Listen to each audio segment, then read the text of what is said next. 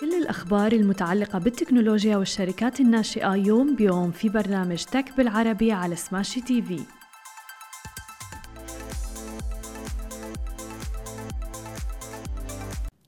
صباح الخير. عناوين اليوم تراجع أسعار النفط وسويفل تلغي آخر شراكاتها وموعد محاكمة إيلون ماسك وتويتر. والعديد العديد من الأخبار معي أنا هالة بسام في برنامجكم تك بالعربي. خلونا نبدأ أخبارنا لليوم ونحكي بأول خبر معنا لليوم عن تراجع أسعار النفط تحديدا. تراجعت أسعار النفط بالفترة الأخيرة وفي وقت مبكر تحديدا من يوم الاثنين 1 أغسطس آب تموز مع انتظار المستثمرين المسؤولين تحديدا للاجتماع آه، من أوبك بلس. آه، وتحديدا هو اجتماع لمسؤولين من أوبك وكبار المنتجين الآخرين أيضا. كل هذا الأسبوع رح يصير بخصوص هذا الاجتماع بشأن تعديلات والإمدادات اللي تحدثنا عنها في السابق. بالإضافة إلى ذلك انخفضت العقود الآجلة لخام برنت لتصل إلى 63 سنت تقريبا أو 0.6 في المئة إلى 102.83 دولار. دولار للبرميل الواحد. بالإضافة إلى ذلك عم نشوف معنا أنه تراجعت أيضا أسعار آه، الخام غرب تكساس الوسيط أيضا الأمريكي لتصل إلى 97.27 دولار للبرميل الواحد أيضا. وانخفاض شاهدناه كان 75 سنت ب آه، أو 0.7% تقريبا. واللي عم نشهده أيضا والفترة الأخيرة آه، أنه بعد ما وصل إلى أدنى المستويات في الجلسة عند 55 دولار عند بدء التداول في آسيا. كل هذه التراجعات عم نشهدها بالفترة الأخيرة وبالإضافة إلى ذلك مثل ما عم نذكر وصل إلى أدنى مستوى في الجلسة عند 97.55 دولار عند بدء التداول في آسيا. وزاد الخامان أكثر من 2 دولار للبرميل يوم الجمعة مع تحسن رغبة المستثمرين في المخاطرة. ومع ذلك أنهى برنت وغرب تكساس الوسيط شهر يوليو تموز بخسائر كانت شهرية ثانية على التوالي للمرة الأولى منذ عام 2020 حيث أدى ارتفاع التضخم أيضا ارتفاع أسعار الفائدة اللي أثر بشكل كبير إلى زيادة المخاوف من حدوث ركود قد يؤدي إلى تآكل الطلب على الوقود أيضا.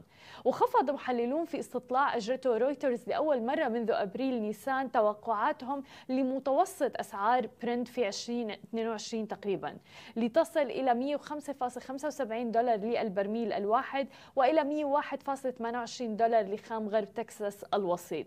ورح تجتمع منظمة البلدان المصدرة للبترول أوبك وحلفاء من بينهم روسيا. في مجموعة طبعا تعرف باسم أوبك بلس يوم الأربعاء تحديدا لاتخاذ قرار بشأن إنتاج سبتمبر أيلول. وقال اثنين من ثمان مصادر في أوبك بلس أنه في زيادة متواضعة لشهر سبتمبر أيلول ستتم مناقشتها في اجتماع الثالث من أغسطس آب. بينما قالت المصادر الباقية أنه من المرجح أنه يضل الإنتاج ثابت.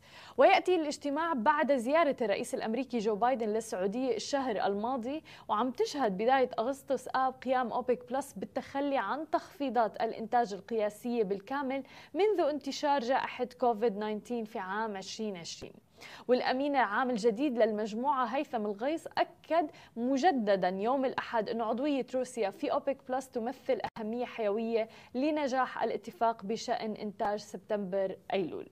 أما إذا بدنا ننتقل إلى عالم الشركات الناشئة وخبرنا الثاني معنا لليوم ونحكي عن شركة سويفل تحديدا. ألغت شركة سويفل للنقل التشاركي صفقة استحواذها على شركة زيلو الناشئة البريطانية بعد ما اتخذت الشركتان قرار متبادل بسبب اضطرابات الأسواق المالية. وأعلنت سويفل في بيان أرسلته إلى هيئة الأوراق المالية والبورصات الأمريكية قالت أيضا مصادر لموقع تك كرانش في وقت سابق أنه الاستحواذ المحتمل قد يكلف سويفل تقريبا 100 مليون دولار على الرغم من أنه الجانبين لم يؤكدا قيمة الصفقة طيب شو اللي تغير بالفترة الأخيرة؟ بالفترة الأخيرة جرى الإعلان عن الاستحواذ في أبريل الماضي بعد أسابيع من إدراج سويفل ببورصة ناسداك عبر الاندماج مع شركة كوينز جامبت ذات أغراض الاستحواذ ومنذ ذلك الحين تراجعت أسهم سويفل بنحو 84% وسط عمليات بيع واسعة النطاق في وول ستريت لأسهم شركات التكنولوجيا والشركات اللي جرى طرحها عبر شركات ال SPAC أو الشيك على بياض. ومن الناحية المالية قامت الشركة الناشئة في السابق بتمويل سند إذني قابل للتحويل بقيمة 5 ملايين دولار لصالح زيلو وتنازلت عنه الآن. أما من الناحية التشغيلية كان الاستحواذ بمثابة البوابة اللي كانت سويفل ستدخل منها إلى المملكة المتحدة وأيضا جنوب أفريقيا والولايات المتحدة. وهي ثلاثة طبعا من أكبر الأسواق اللي كانت الشركة الناشئة سويفل عم تطلع إليها. اضطرت الآن شركة سويفل لاتخاذ عدد من الإجراءات التقشفية وشهدناها أيضا بالفترة الماضية خلال هذا العام نظرا لأوضاع السوق الصعبة. كل هذا من أجل تحقيق أهدافها المالية العام المقبل. وخفضت الشركة عدد الموظفين بنحو الثلث في مايو كما أعلنت أيضا عن وقف التعيينات لديها وخفضت رواتب كبار المسؤولين التنفيذيين. وبدأت أيضا في إلغاء المسارات غير المربحة في محاولة لتحقيق تدفقات نقدية إيجابية بحلول العام المقبل.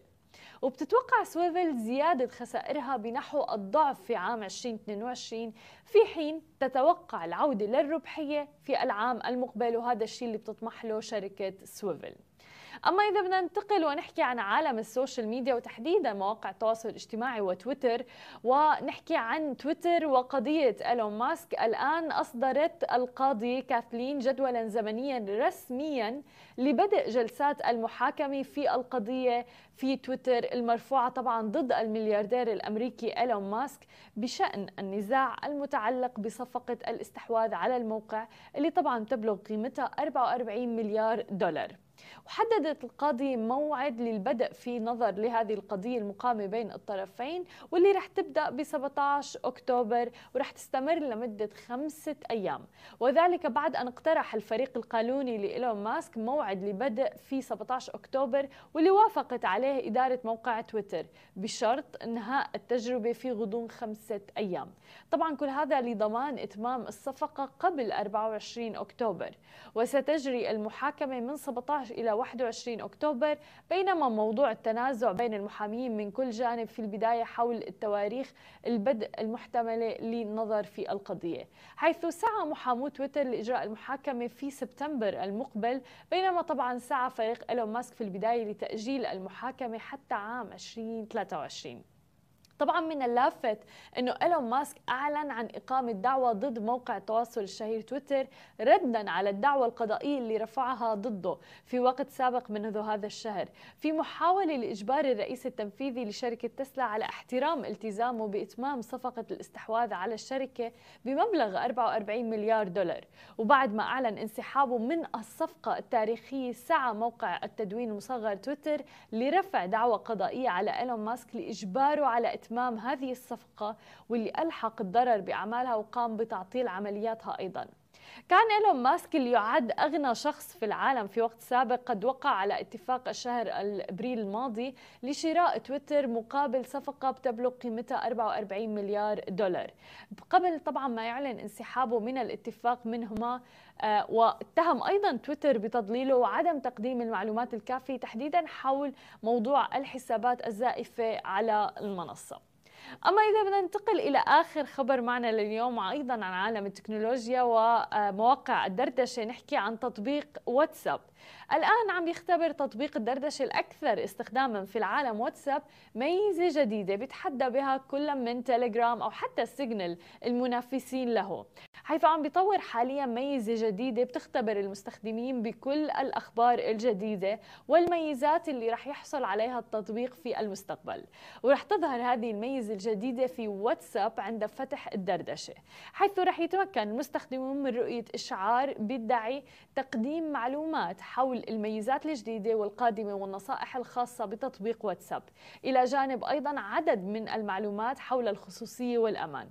وهي الميزة اسمها chatbot تشبه إلى حد كبير الميزة اللي بتقدمها تطبيقات المراسلة المنافسة مثل مثلا تيليجرام أو حتى سيجنال وحيث بيستخدم كلا النظامين قناة رسمية أو مثل دردشة لتحديث المستخدمين حول الإصدارات الجديدة كما قد حصل عدد من المستخدمين على هي الميزة فعلا.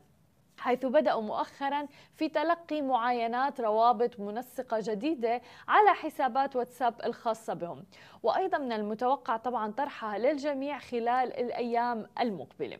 هذه كانت كل أخبارنا الصباحية لليوم. ما تنسوا تتابعونا على كل مواقع التواصل الاجتماعي الخاصة بسماشي تي في. تسمعوا البودكاست تبعنا وتنزلوا ال application. نهاركم سعيد جميعاً. مثل ما وعدناكم أخبار جديدة ومقابلات مع رواد أعمال يوميا في برنامج تك بالعربي على سماشي تي في. حملوا التطبيق الآن.